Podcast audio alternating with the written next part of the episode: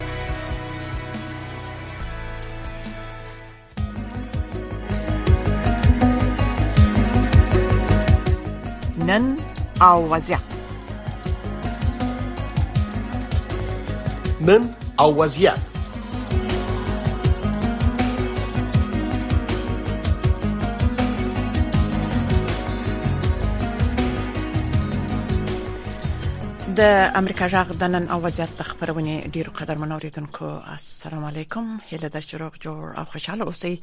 د دې بیا اساس لپاره د نن او وضعیت خبرونه پیل وو نو هله د چې د خبرونه چې نیم ساعت دوام لري تر پای ووري قدرمن اوریدونکو نن په خبرونه کې بیا هم د مهاجرو پر ستونزو باندې په هغه مهاجرو چې دوی اوس په ترکیه ته هم روان دي او د عیني د ډیره وخت څخه د دوی ترکیه ته ډیر افغانان تللي دي نو چې پر سرحدونو پر دوی ته څه پیښیږي او څه مشکلات ورته پیښیږي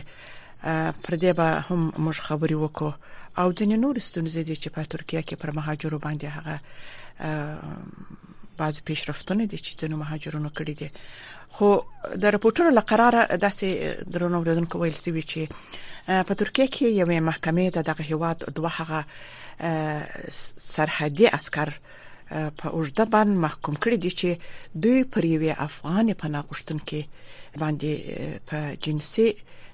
تیری باندې تورن شوی و دا مسله به راوسپړو زموږ د محترم میلمه وحید امینی صاحب چې په ترکیه کې افغان مهاجر دی او د خاص د افغانانو د لپاره ځنې فعالیتونه هم کوي وو چې دوی څخه به پوره معلومات واخلو که څه موږ ته راپورټ مفصل را رسیدلی خو بیا هم د دوی څخه معلومات واخلو چې دا پیښه د ترکیه په کوم شهر کې شوې ده او اوس د سرحدونو هغه حالت په څه ډول دی بیا هم افغانان سربېره پر دې چې دوی ته دونه ډېری ستونزې پیښیږي او بیا هم دوی پر دغه لار باندې راځي دا ولي نو و محترم وحید امینی صاحب ته به زه شرغلاس وایم امینی صاحب تاسو وخبرونه ته شرغلاس کور مودان چې په لاند وخت کې مزمج غشتنه ومنله بسم الله الرحمن الرحیم سلام تاسو ته شافیا خور درنو او اوریدونکو او لیدونکو ته ډیره مننه چې وخت هم راک او زمونږ د مسافر حال خپل ولسته او چارواکو ته شریکوي نستاس د پښتنې په جواب کې باید وایم چې دا خو ډیره یو جدي مساله ده باید دې ته دغه کوم مسولین چې کوم چارواکي چې د مهاجرت په بخش کې د مهاجرت د سازمانونو په بخش کې کار کوي او په ملل متحد کې دي یا افغان چارواکي دي چې لاس بر ده د هغې نه زموږ غوښتنه ده چې زموږ غږ واوریدل شي او زموږ ستونزو ته د حل لارې راولټول شي راځم ستونزې ته په سرحداتو کې چې کوم ستونزې دي په سرحداتو کې ډېر غیر انساني او غیر اخلاقی ستونزې رامنځته شوې دي په دې تیرو دوو کالو خصوصا چې زه راغلم دلته او خبرېږم او په خپل سترګو مې هم لیدلې دي په سرحدونو کې ځوانان ډلې ډلې ځوانان چې کله په د شپې په تور شپه کې راوړي دلته د مسولینو لخوانه د دوانو هیوادونو وشتل کیږي او په دې باندې ډزې کیږي لکه هغه څوک چې مثلا یو خار ته رانه نوځي په جنگ په واسطه باندې یا مثلا یو بل ترهګری فعالیت کوي او د هغه په هغه رقم باندې د سر برخورد کیږي او د وژل کیږي او څه زخمیان کیږي او څه راغورځي دا کندونه کندو کې چې د غرنه راغورځي الته ډیر نور هم دغه ستونزې چې دغه ماشومان او خزې چې دا راوړي په دې لارو باندې نو د سره بیلا بیلې ستونزې د خپل هم ډیر ستونزې لري ځکه چې د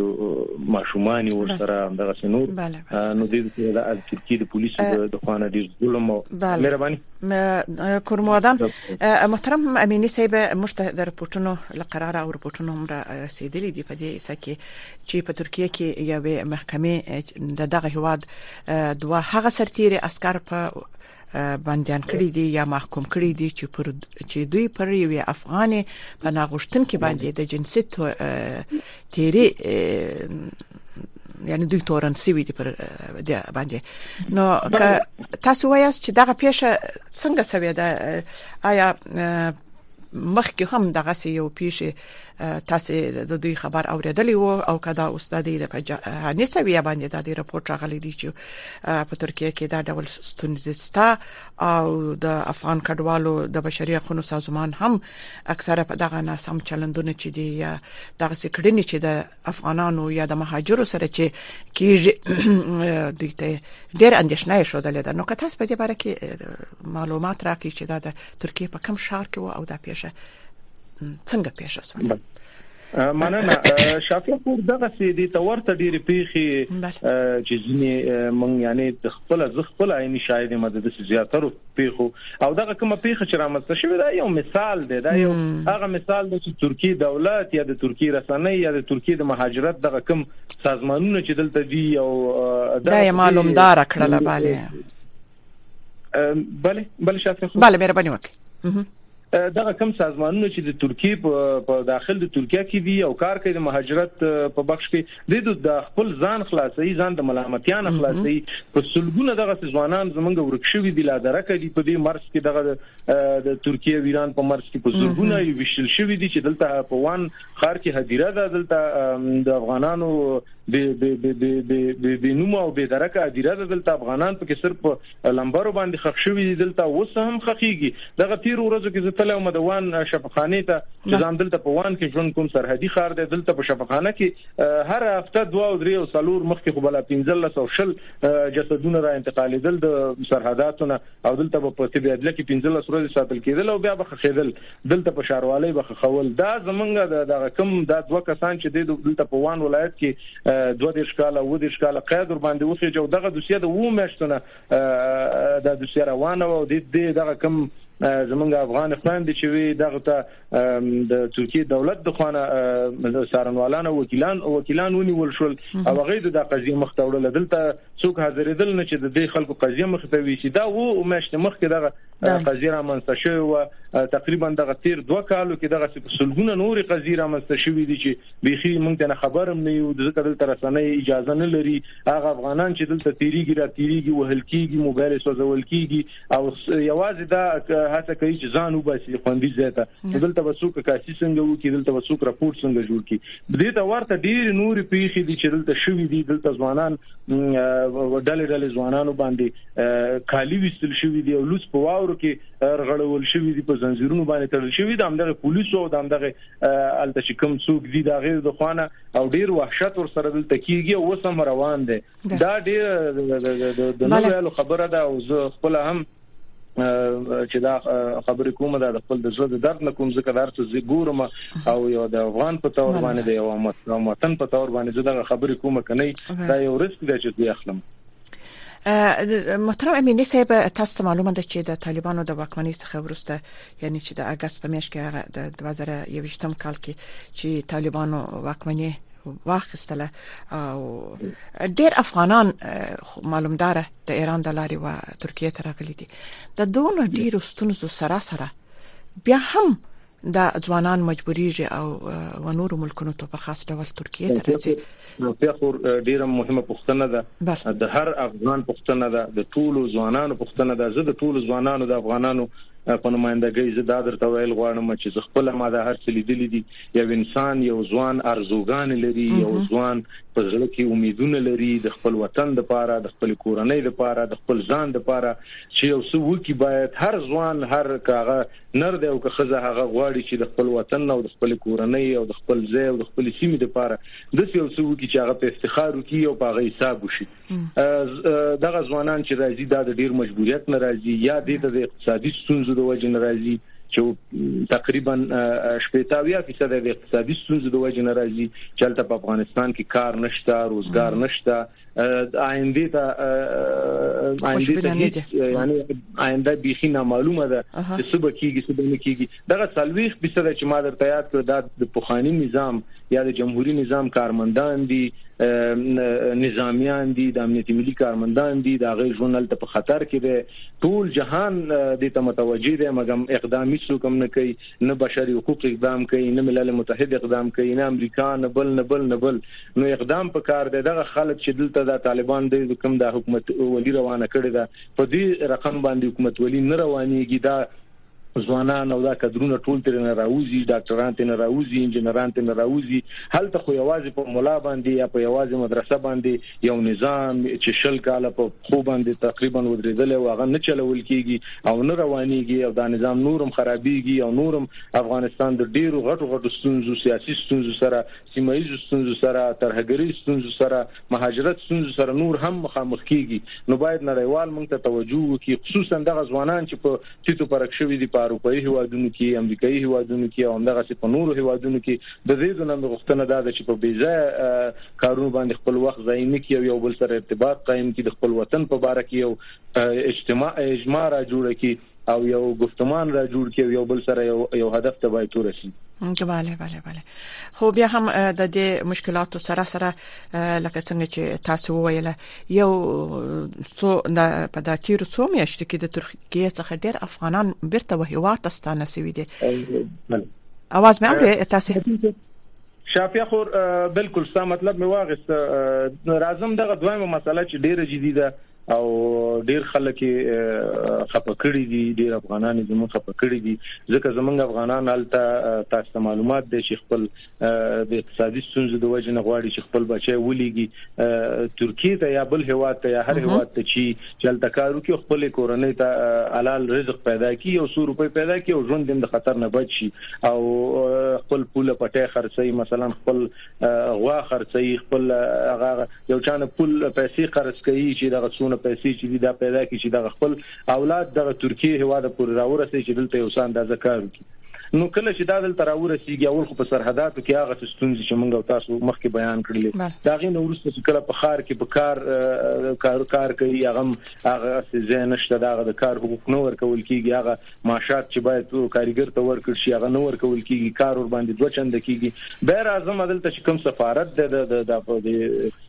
طالبانو یا د امارت اسلامي دلته کوم سفارت دی هغه د دومره وسه پوري واګې یا ریښې دومره نه دي قوي شوي او دومره دیپلوماتیک هوش نه لري دلته چې دغه ټول هر څه کنټرول کړي او دغه افغانان ټول پښتنه وکړي او د دې دوه هغه کوم اساسي ستونزې چې دي هغه حل کړي تش په نوم دی راځم اساسي مسله ډیپورت ده دغه کم ډیپورت تقریبا دغه یو کال کېږي چې پیل شوی دی کله چې د افغانانو هجوم دلته په ترکیه کې زیات شو او د ترکیه روابط د د د د اروپאי ټولنې سره چې د ماجرو په برخه کې کړه ده دا غي پر بنا باندې هغه کم تړونونه چې شوي دي هغه تړونونه چې باید اروپا ته دغه مهاجر ډیر په ډیر اندازه باندې ورنشي نو هغه تړون په اساس باندې دلته یو پروګرامونه جوړ شول د غیر قانوني مهاجرو د کنټرول په اړه کې په ټوله ترکیه کې قانونونه تغیر شول او مادې تغیر شولې نو په هغه صورت باندې باید زمونږ سفارت او زمونږ دیپلوماتانو هم په دې کې ونډه لرلې او دې کې د حل فصل د پاره یو خپل وینا یا مثلا خپل غوړاندیز کړی وي خو د سیمونو شلو نو دلته ډیپورت جبري ډیپورت رامنځته شو جبري ډیپورت داسې چې هغه وخت چې سفارت د افغانستان د جمهوریت دولت په لاس کې وو خو هغه ډیپورت هغه خپل لاته مراحل لرل چې باید د هغې هویت څرګند شي د سفارت د خوانه او به ډیپورټ شي اوس چې کوم کله د سفارت د امنیت د امارات اسلامي سفارت کارمندان دلته راغله اوس یوازې هلته زی سیریال نمبر او لیکل کیږي چې هو دا افغان دی او ډیپورټ کیږي نور هغه پښتنه نشته ده هغه چې نشته چې دا مشکل لري تیر نظامی دی نورې کوم ستونزې سیاسي ستونزې لري مذهبي ستونزې لري نور کوم مسلې دي دلته ځکه یو انسان چې مهاجر کیږي طبعا چې د یو ستونزې د وجنه مهاجر کیږي د یو یو یو حالت درامسته کیدو د وجه مهاجر کیږي نو د دې پښتنه نشته او ډیپورت کیږي دا جبري ډیپورت د سفارت او دغه کارمندان چې دلته وظیفه لري د دې په هماهنګي باندې دا ډیپورت کیږي نو دا ډیره جدي ستونزه ده بل ستونزه په کمپونو کې د دغه افغانانو ساتل په کلونو کلونو دغه دوه کال کېږي چې د الکان مالي دلی دي چې پراته دي تر اوسه پورې خپل کور ته زنګ نه دی وهلی یا مثلا که زنګ وهلی خبر شوی دی چې پلاني کم کې پروت دی او بیا وروسته دغه د دوه کال کېږي یا کال کېږي چې کور ته زنګ نه دی وهلی د څه په زورګونه نور ځوانان هم دغه څه په کمپونو کې پراته دي نو شپې ورځې سبا سبا کوي دا ډېر یو جدي او مهمه ستونزه ده چې باید غږ واوري شي بله بله بله امینی صاحب تاسو ویل چې د ډیپورت مسله یا د بیرته افغانستان ته د استولو مسله په دې کې دوی په څه ډول استول کیږي او یوازې ځوانان استول کیږي چې کورنۍ هم په دې کې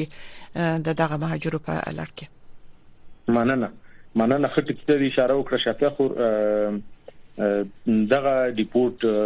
چې کوم د جبري ریپورت د د هغه ځوانانو د چې په غیر قانوني ډول باندې راځي هغه ځوانان چې انرژي لري او د سره پورې ځان را رسول دي هغه کورنۍ چې دلته ځان را رسول دي هغه د خوندې دي هغه د مشکل نشته د سازمان ملل د خوانه او د ترکیه د مهاجرت د دولت د خوانه هغه ته مشکل نشته بل راځم چې تاسو په کومه طریقه باندې دوی ډیپورټ کیږي ځینې خارونه د سيدي چې الته د تیارې د لارې نه کله چې امکانات وي د زمونږ د افغانستان د تیارو امکانات وي نو دغه په تیارې کې ډیپورت کیږي خو اوس دغه شپږ مېشتې کیږي چې اوس ډیپورت په دې مراحلو کې په دې طریقه باندې سر ته رسیدي چې په په شرقي ولایتونو کې وان او تاتوان او وګدیر او دغه ولایتونو کې دلته د ډیپورټي کمپونه جوړ شوي دي نوي دغه کمپونو ته د غټو کمپونو نه را انتقالېږي او دلته څو ورځې ساتل کېږي او بیا په موټرو کې په غټو موټرو کې د ایران پولیسو ته سپارل کېږي او ایران یې بیا څو ورځې هلته ساتي چې هغه کوم پروسیجر یې مخې ته لاړ شي هغه د نوملیکنې او هغه د سازمان ملل ته د راپور ورکولو هغې نه وروسته بیا هلته د امارات اسلامي دولت ته په افغانستان کې یا په کندهار یا په هرات کې سپارل کېږي نو دا هم یو جبري رپورټ دی دې ته هم موږ جبري رپورټ ویلی شو داسې وخت هم راغلی دی د دې د داسې یو قانون هم دلته شته دی چې په وان ولایت کې په سرحدي سیمو کې کم خلک چې په سرحدي سیمو کې کم ځوانان ونیول شي هغه وهل کیږي ټکول کیږي او په هماغه ځای کې بیرته د ایران خاورې ته اړول کیږي بغیر د کم پښتنې نه بغیر د کم سوال جواب نه یا بغیر د کم کم پروسیجر نه یا د کپتای مراحل څخه نو هغه چې هلته کله واړول شي هغه هلته غلو لاس ته غورځي دا یو بل مسله ده هغه چې هلته واړول شي هغه هلته په بیابان کې ګرځي هلته نور ډیر یعنی په ایران کې او که په افغانستان کې د ایران په خاور کې ایران په خاور کې نو هلته به ډیر سوز سره هغه به نور ډیر سوز دي چې ایرانیان هلته هغه کوم په سرحدي سیمو کې چې کوم خلک اوسېږي هغه ټول قاچاقبر دي او د قاچاق مواد مخدر او د قاچاق انسان د لارې نه خپل ژوند مخې ته وړي تقریبا کلونه وشول نو هغه به ډیره غټه ستونزه ده نو دا ستونزې ته باید زمونږ غږ واوریدل شي نور ډیر ستونزې دي مهرباني bale bale ډیره مننه تاسو څخه وحید امینی صاحب دغه مهاجر چې وطن ته ولاړ سي البته د ایران په خاور کې خو تاسو مشکلات ویل چې ډیر مشکلات ورته بشيږي د افغانستان حکومت یا د طالبانو حکومت و دوی ته د دوی لپاره یو څه شرایط برابر کړي د چا خبره و دوی ته شرغلاست وایي د دوی سره یو شپې شامت کیږي د دوی غم خورل کیږي دوی دغه ځوانان به تاسو هم خبر یاست چې د دوی حالت حالت په افغانستان کې په څه ډول دی بله شافیا خور تاسو پوهیږئ چې دا کوم ما مخکې ویل چې کوم ځوانان راځي نو د مجبوریت نه راځي هغه مجبوریتونه چې سیاسي او اقتصادي پکې ډیر دي هغه اول سر کې سیاسي بله بله سر کې معلومدار نو کله چې دا دیزه پورې راشي او هغه کم څه چې لري یا څه چې قرض کړي او تر دیزه پورې راشي او به بیرته ډیپورټ شي نو تخپل ځان سره فکر وکړي دا هغه کم چې چې ورسره یې هغه به بیرته د خپل کلی ته د تک کران نه لري د کابل نه خراغلاس څه کې چې دا التلاشي خپل کور ته نشي تللی د شرم خپل کلی ته نشي تللی د شرمه الته نورو ډیرو ستونزو سره مخامخ کیږي او زه ډیر ځوانان ډیره ځوانان پیژنم د سې چې بیرته تللی دي او په دې کوشش کې دي چې څنګه بیرته راشي نو دا دا دا دا ستونزې زمونږ په داخل د افغانستان کې باید حل شي دا ستونزې باید څه فکر کوي الله تبارک وتعالى افغانان یې اوس امینه صاحب دا دا اوسنوي وختو کې چې طالبانو د حکومت څخه ورسته چې ورغلي دي څو افغانان به حالت یې دا ځوانان تاسو فکر کوئ په ترکیه کې bale په ترکیه کې په ترکیه کې زیاتره افغانان خو چې راځي هغه غواړي چې د بلغاریا د لارې نه یا د یونان د لارې نه ځان اروپאי هیوادونو ته ورسي زیاتره افغانان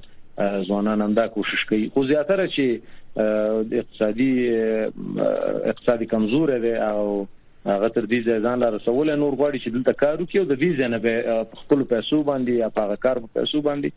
ځان اروپايي هېوادونو ته ورسوي، په قاچاقي لارو باندې. نو دلته زیاتره ځوانان چې دلته راشي، حتما یو کال، دوه کاله یا هم څو میاشتې دلته پاتې کېږي د کار لپاره. که مثلا دلته هغه څوک چې اروپا ته ځي، هغه هم دلته دوه، درې، څلور میاشتې پاتې کېږي. نو په استانبول کې پاتې کیږي د دې د مرکزی سیمه استانبول ده په استانبول کې اوس په هر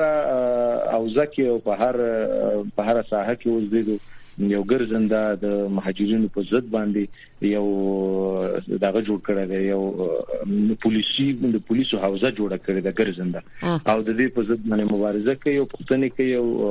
ساحې تلاشي کوي او خلکونه معلومات راټولوي او غیر قانوني مهاجر نیسي او اولي عمومي کمپ ته انتقالوي او د عمومي کمپ نه به شرقي ولایتو کې سرحدي ولایتو کې چې کوم کمپونه نوي جوړ شوي دي هغه ته انتقالوي او ډیپورټ ته ورسموي نو دا د دې په قانون کې دا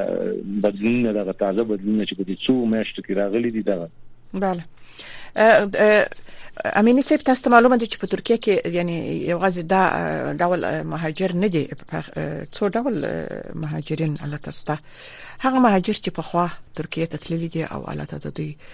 ژوند په اصطلاح تامین دي او الته سم صحیح ژوند لري سم اقتصاد دي الته اولادونه مکتبونه ویلي دي په مؤسساتو کې په شر رسمي مؤسساتو کې د ترکیه کار کوي ستاسو مشکل و دغه خلکو ته چې دغه خلکو ته چې تاسو دونه مشکلات د ځوانان لري و دوی ته نه دی مطرح کړی و دوی ته نه دی ویلي چې دغه سیز موږ سره کومک وکړي افغاني ټولنه ده باید د دوی سره په دې اسه کې خاصه مرسته وسی ولې مشکلات ټول ته معلوم دي تاسو ته معلوم ده دا خو کله چې یو دولت یو د دولت سفارت په بل هوا کې یل دغه کمی زما هدف ته عام افغانانو څخه دی چې الله ته وسیږي هم دې تر اعظم بله دلته عام افغانان چې تا مخکې یو اشاره ورته وکړه دلته بیخي ډیر دي یعنی هغه افغانان چې په جمهوریت کې غټ غټ وظیفې لرلې د پارلمان وکیلانو وزیرانو پوری د ریاستونو رئیسانو دلته کورونه دي دلته کاروبارونه دي دلته ډیر افغانان شته دي او هغه افغانان چې مثلا اهل ته په افغانستان کې زموږ پښتنه نه د کړی او زموږ حق نه دی ویل زموږ حق خورل دی او زمونږ پښتنه خو څه کوي چې زمونږ بيخي خبر نه دي زمونږ نه چې دلته کوم ځوان شته ټولنه لري فعالیت کوي دلته کوم قدر په کوم ولایت کې په کوم ولسوالۍ کې شته چې را پیدا کو نو هغه خپل رشوتونو ته زور ورکړی دی خپل خپلوانو ته خپل وراره او خورای په وظیفو کې او په ریاستونو کې کېنولې دي نو دلته به زمونږ څه پوښتنه وکړي زمونږ پوښتنه نه کوي او نه او په دې باندې پوېږي ځکه فیسبوک ګوري ټویټر ګوري رسنۍ تعقیبوي چې دلته د افغانانو افغانان په کوم حالت کې دي په دغه سرحدونو کې چې کوم ظلم کیږي په دغه داخل د ترکیه کې چې کوم ظلم کیږي مونږ ته د یو ترهګر په سترګه باندې کتل کیږي مونږ ته د یو یو یو یو یو لکه انسان چې انسان چې موږ نه یو یا مثلا کوم زم کمی یا مثلا موږ کوم مشکل لرو یا یا دې ته کوم مشکل پیښ کوو موږ ته په دې نظر ګوري هغه کوم ځوانان چې دلته کار کوي شاقه او هغه کوم ځوانان چې مثلا غیر قانوني دي دغه تا چې یادونه وکړه دغه تجاران او دغه کوم سرمایداران افغانان چې دلته ژوند کوي د قرار خپل کورونو کې پراته دي او قلاره ټلویزیونونو ته ګوري مګم اقدام نه کوي زموږ پوښتنه نه کوي که موږ ورته زنګ ووهو هم پوښتنه نه کوي او که موږ ورته میسج وکړو هم زموږ پوښتنه نه کوي او نه یې څه د لاسه کیږي چې وایي کی ځکه دې د نه پوهیږي چې څه وکړي په دې خاطر چې دلته یو نظام نه دی موجود دی او یو ډیپلوماټیک ماحول نه دی رامنځته شوی چې دلته یو ادرس نه دی رامنځته شوی او ادرس نشته دی که ادرس دی هغه یوازې هغه ادرس دی چې د هغه خلکو یا د هغه ډله چې په افغانستان کې حاکمه ده د هغوی په خدمت کې دی او د هغوی د انډیوالانو او د هغوی د دوستانو په خدمت کې دی هغوی ته پاسپورت هم ورکوي هغوی ته ویزه هم برابروي هغوی ته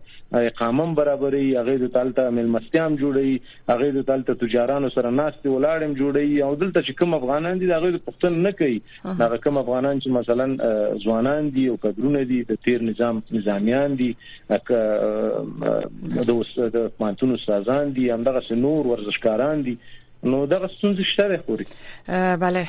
رښتیا هم دا ډېر سخت سخت حالت دی او ځوانانو ته خصوصا او کورنۍ ته خو په هر صورت امینی صاحب موږ یو څلور دقیقې نوري هم لرو په هغه کې تاسو کولای شئ چې هغه څه غوښتنې لري د ترکیه د حکومت سره طالبانو د حکومت او په خپل چې هغه ستاسو په زړه کې دي او ستاسو ځوانانو هغه لطفا د دې لارې څخه تاسو بیان کړئ چې تاسو ژغ بیا هم د وطنوالو د هوادوالو د د دنیا و ټول هغه مسؤل موسسو ته ورسیږي چې دغه تاسو مشکل دی واوري مهرباني وکړئ بله ډیره مننه اول خو تاسو نه مننه کوم تاسو د ټلویزیون نه چې مونږ ته وخت راکوي او زمونږ غږ اوري بله زمنګ د د افغانستان د اسلامي امارت څخه غوښتنه دا ده چې دلته کوم افغانان چې اوسېږي کډرونه اوسېږي کم خلک چې دلته اوسېږي هغه سره باید تماس ونیسي او دلته یو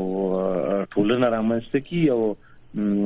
یو ادرس باید رامنځته کی او دلته باید ټول سره د هغې د ستونزې واوریدل شي او د هغې د حل په باره کې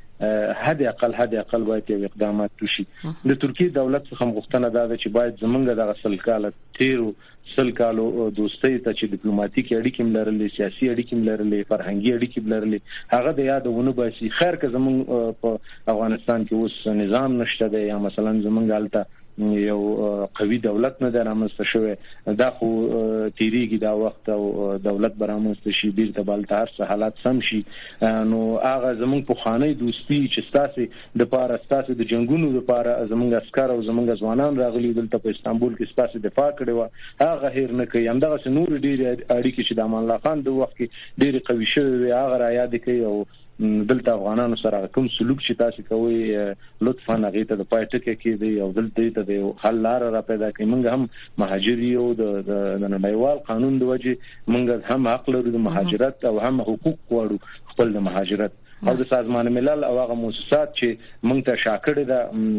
هغه د تامه درخواست دی چې څنګه ټول نړۍ کې مهاجرت روان دی هماغه زمونږ افغانانو ته هم وکتل شي او حقوق ورته ورکړ شي د بشري حقوق د زمونږ هیله ده چې دغه سرحدونو کې دغه کم ستونزې چې دی په دې باندې پوي دي راپورونه ګوري د دې د پښتنو وکي راشي دلته دغه سرحد نه راپورټونه جوړ کی او د دین هغه کم چې دلته واقع کیږي دا غینه یو راپور جوړ کی او دی باندې اقدام وکي او ترکیه چې دلته په سازمان ملل کې غړي لري غړي لري دا غینه پوښتنه وشي او د هغې باید ځواب واوریدل شي ډیره مننه تاسو نه بیا هم. کورمدان ډیره مننه که څه هم موږ یو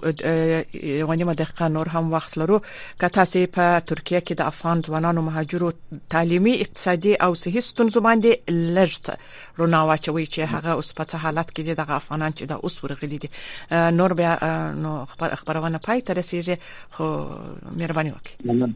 مننه مننه اوو دلته افغانان هغه ځوانان چې باید اسناد ورکړ شي او د اسناد مستحق دي په لاس کې اسناد لري هغه ځوانانو ته باید اسناد ورکړ شي هغه حق دی د هر افغان یا د هر مهاجر چې دلته باید د پناهندګۍ اسناد ورکړ شي دوی هغه ځینې کې چې کار کوي باید هغه حد اقل هغه کوم حقوق چې ورته د نړیوالو دخوانه او د ترکیې دولت دخوانه دغه شوي دي ټاکل شوي دي هغه باید ورکړل شي او او بل مهمه خبره د روغتیا ته د نه لاسرسي ده کوم ځوانان چې دلته اسناد نه لري هغه دلته خټول ترکان بیمه دي نو دلته چې افغانان ځي دلته خو اسناد نه لري د پولیسو د خوان نیول کیږي نو هدا اقل باید دغه انساني همدردۍ لمخې باید دغه روغتیا ته باید لاسرسي ورکړي شي او بل اخري کې دغه یو وینا لرم چې باید دلته یو ټولنه رامنځته شي د ځوانانو باندې مې غږ دا دی چې یو بل سره تماس ونیسي او دلته یو ټولنه رامنځته شي